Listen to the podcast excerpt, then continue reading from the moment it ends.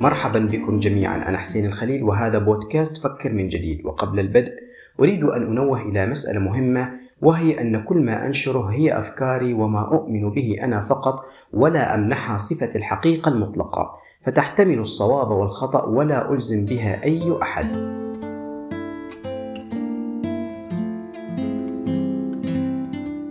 قال تعالى واضربوهن. ففسر ذلك فقهاؤنا الأفاضل جزاهم الله خيرا وأطعمهم طيرا بالضرب باليد أو بالسواك. يعني المهم فسروها بالأخير بالضرب الفيزيائي. ولكن للأمانة وحتى لا أظلمهم فإن الفتوى تقول ضربا لا يكسر عظما ولا يؤذي لها عضوا. يعني ما يسبب لها أي عاهة مستديمة. ما هو مفهوم القوامة؟ بما أن مرجع الدين والمقياس والميزان هو القرآن وليس غيره لنقرأه ونرى ما هو مفهوم الضرب والقوامة هذا هو موضوع حلقة اليوم. يقول الله سبحانه وتعالى واللاتي تخافون نشوزهن فعظوهن واهجروهن في المضاجع واضربوهن. الخطأ الجسيم الذي وقع فيه المسلمون أنهم أسقطوا مفاهيم القرآن على مفهومهم المجتمعي. فمثلا السارق والسارقة فاقطعوا أيديهما فقالوا واضحة وما تحتاج تفسير يعني نقطع إيديهم. واضربوهن واضحة ما تحتاج تفسير ولا فلسفة يعني الضرب بمفهومنا. أصدقائي الكرام مفاهيمنا شيء ومفاهيم القرآن شيء آخر. وبما أن القرآن يفسر بعضه بعضا لنبحث في هذا الكتاب العظيم عن معنى الضرب. لا يمكن أن يتصور أن الله يأمر بضرب شريكة الحياة بمفهوم الضرب المجتمعي. فضرب النساء المذكور في القرآن لا يمكن أن يعني الضرب بالمفهوم المجتمعي أي المفهوم العامي. لا يمكن لهذا الدين الحنيف أن يسمح بضرب وإيذاء وإهانة الأم والأخت والزوجة والابنة لكن الموروث الديني نعم لا نستبعد ذلك. قال تعالى واللاتي تخافون نشوزهن فعظوهن واهجروهن في المضاجع واضربوهن. فإن أطعنكم فلا تبغوا عليهن سبيلا إن الله كان عليا كبيرا. من خلال المعرفة البسيطة في اللغة العربية وتفسيرها فإن العقوبة للمرأة الناشز أي المخالفة نراه في هذه الآية عقوبة تواترية تصاعدية. بالبداية تكون بالوعظ والكلام الحسن والنصح والإرشاد فإن لم تستجب فيكون الهجر في المضاجع أي في أسرة النوم وهي طريقة العلاج الثانية ولها دلالاتها النفسية والتربوية على المرأة والهجر هنا في داخل الغرفة. أما واضربوهن فهي ليست بالمدلول الفعلي للضرب باليد أو العصا لأن الضرب هنا هو المباعدة أو الابتعاد. ولما كانت معاني ألفاظ القرآن تستخلص من القرآن نفسه فإذا تتبعنا معاني كلمة الضرب في القرآن الكريم نجد أنها تعني في غالبها المفارقة والمباعدة والانفصال والتجاهل خلافا للمعنى المتداول. فمثلا الضرب على الوجه يستخدم له لفظ لطم أو الصك قال تعالى عن امرأة إبراهيم فأقبلت امرأته في صرة فصكت وجهها وقالت عجوز عقيم. والضرب على القفا يستعمل لفظ صفع والضرب بقبضة اليد هو الوكس. قال تعالى عن موسى فاستغاثه الذي من شيعته على الذي من عدوه فوكزه موسى فقضى عليه. والضرب بالقدم هو الركل. وفي المعاجم اللغة العربية في معاجم اللغة العربية نقول ضرب الدهر بين القوم أي فرق وباعد بينهم وضرب عليه الحصار أي عزله عن محيطه. فالضرب إذا يفيد المباعدة والانفصال والتجاهل. وهنالك آيات كثيرة في القرآن تتابع نفس المعنى للضرب أي المباعدة لنأتي على هذه الآيات. قال تعالى فأوحينا إلى موسى أن اضرب بعصاك البحر فانفلق فكان كل فرق كالطود العظيم. فهل نفهم من هذه الآية يا أصدقائي الكرام أن موسى قام بضرب البحر بمفهومنا العام؟ بالتأكيد لا. وفي آية أخرى قال تعالى للفقراء الذين أحصروا في سبيل الله لا يستطيعون ضربا في الأرض أي مباعدة وسفر وهجرة إلى أرض الله الواسعة.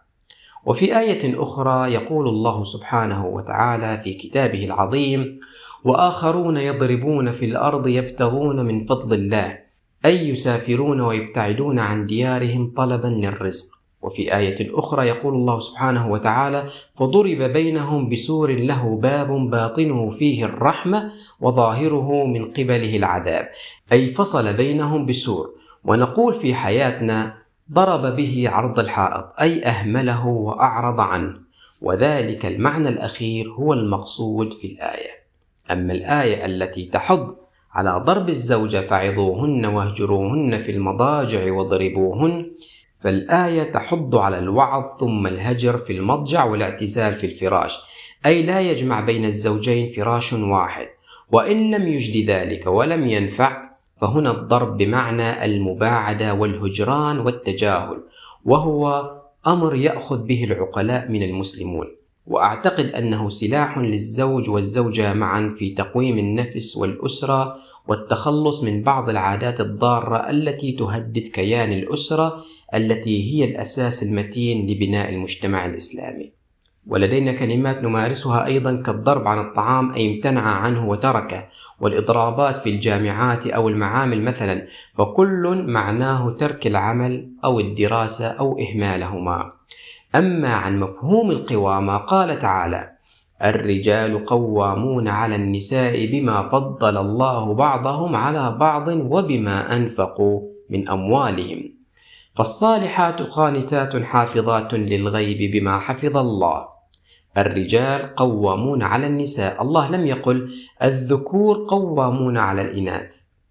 الرجال أو الرجل تأتي من القوة والكفاءة والنساء لا تعني الإناث بل تعني الشيء المتأخر. فالرجال قوامون على النساء أي أن الأكفأ قوام على من هو أضعف منه. وللتأكيد على ذلك قوله تعالى بعدها بما فضل الله بعضهم على بعض. ولم يقل بعضهم على بعضهن. ومع ذلك حتى لو كان الأقل كفاءة فطالما أنه هو من ينفق فله القوامة لذا قال بما أنفقوا من أموالهم أي أن المرأة التي تنفق لها القوامة أيضا بغض النظر إن كانت الأكفأ أم لا. فطالما أنها تنفق فلها القوامة فالأمر أمر كفاءة وأمر ملكية المال. فالصالحات هنا تعني الصالحات للقوامة لأن الآية تتحدث وتتكلم عن موضوع القوامة فقط. حافظات للغيب أي أن التي لها القوامة عليها أن تحترم زوجها وتحترم خصوصياته أيضا لأن الذي له القوامة يمكن له أن يتكبر ويتجبر. ونفس الشيء إذا كان الإنسان يعمل في شركة تملكها أنثى فهي صاحبة القوامة عليه وتأمره وتأمر جميع الموظفين في الشركة فيما يتعلق في أمور العمل فقط. وعليهم تنفيذ كل ما تمليه من أوامر لأنها هي من ستعطيهم رواتبهم. فإذا غلبت على أحدهم ذكوريته ورأى أن هذا حط من كرامته أن تكون امرأة تتأمر عليه كما هو الحال عند البعض في مجتمعنا الشرقي فبكل بساطة ستطرده وتأتي بغيره. حتى أن هذا الأمر حاصل بين الدول وأقصد الإنفاق. القوامة يا أصدقائي الكرام تتمحور حول الإنفاق المالي فمن ينفق سيكون هو صاحب السلطة وله الكلمة العليا. فنجد مثلا دولة كأمريكا تقدم مساعدات مالية أو غير مالية كل سنة لبعض الدول. فهذه الدول المتلقية للمساعدات لا تستطيع رفض أي طلب لأمريكا وإلا ستوقف عنها المساعدات التي هي بحاجتها. فأمريكا في هذه الحالة لها القوامة على تلك الدول. قد يقول قائل أن القرآن خطاب ذكوري. لأن جميع الخطابات فيه للرجال على النساء. أقول أولا عليك أن تفهم اللسان العربي المبين. الرجال لا تعني الذكور والنساء لا تعني الأنثى. ثانيا الله عندما أنزل هذا الخطاب إنما أنزله بما هو متوافق مع الواقع والشيء السائد سواء في مجتمعنا أو في مجتمع آخر. فالسائد هو أن الرجل أي الذكر هو الذي يعمل وينفق على زوجته وأبنائه. وهناك نساء أي إناث هي من تنفق لكن كم نسبتهم في المجتمع؟ واحد بالمية اثنين بالمية أقل أكثر؟ نسبة ضئيلة وتكاد لا تذكر. بل إننا نسمع الآن من بعض النساء التي تعمل تقول راتبي إلي وما لي علاقة بالبيت. وتشترط وتشترط في عقد الزواج أنها ليست ملزمة بالإنفاق على البيت ومن ثم يقولون لماذا الخطاب للرجال؟ ما بدنا نخدع أنفسنا. السائد في العالم كل العالم أن الرجل هو من ينفق وليست الأنثى. ولهذا جاء الخطاب بهذه الصيغة. فخلاصة الكلام يا أصدقائي الكرام فإن الله منع الضرب والإهانة للأنثى وأن مفهوم الضرب في الآية هو المباعدة وأخذ موقف منها والقوامة هي للإنسان الأكفأ والذي يمتلك المال. هذا هو موضوعنا لهذا اليوم ودمتم بود. والسلام عليكم.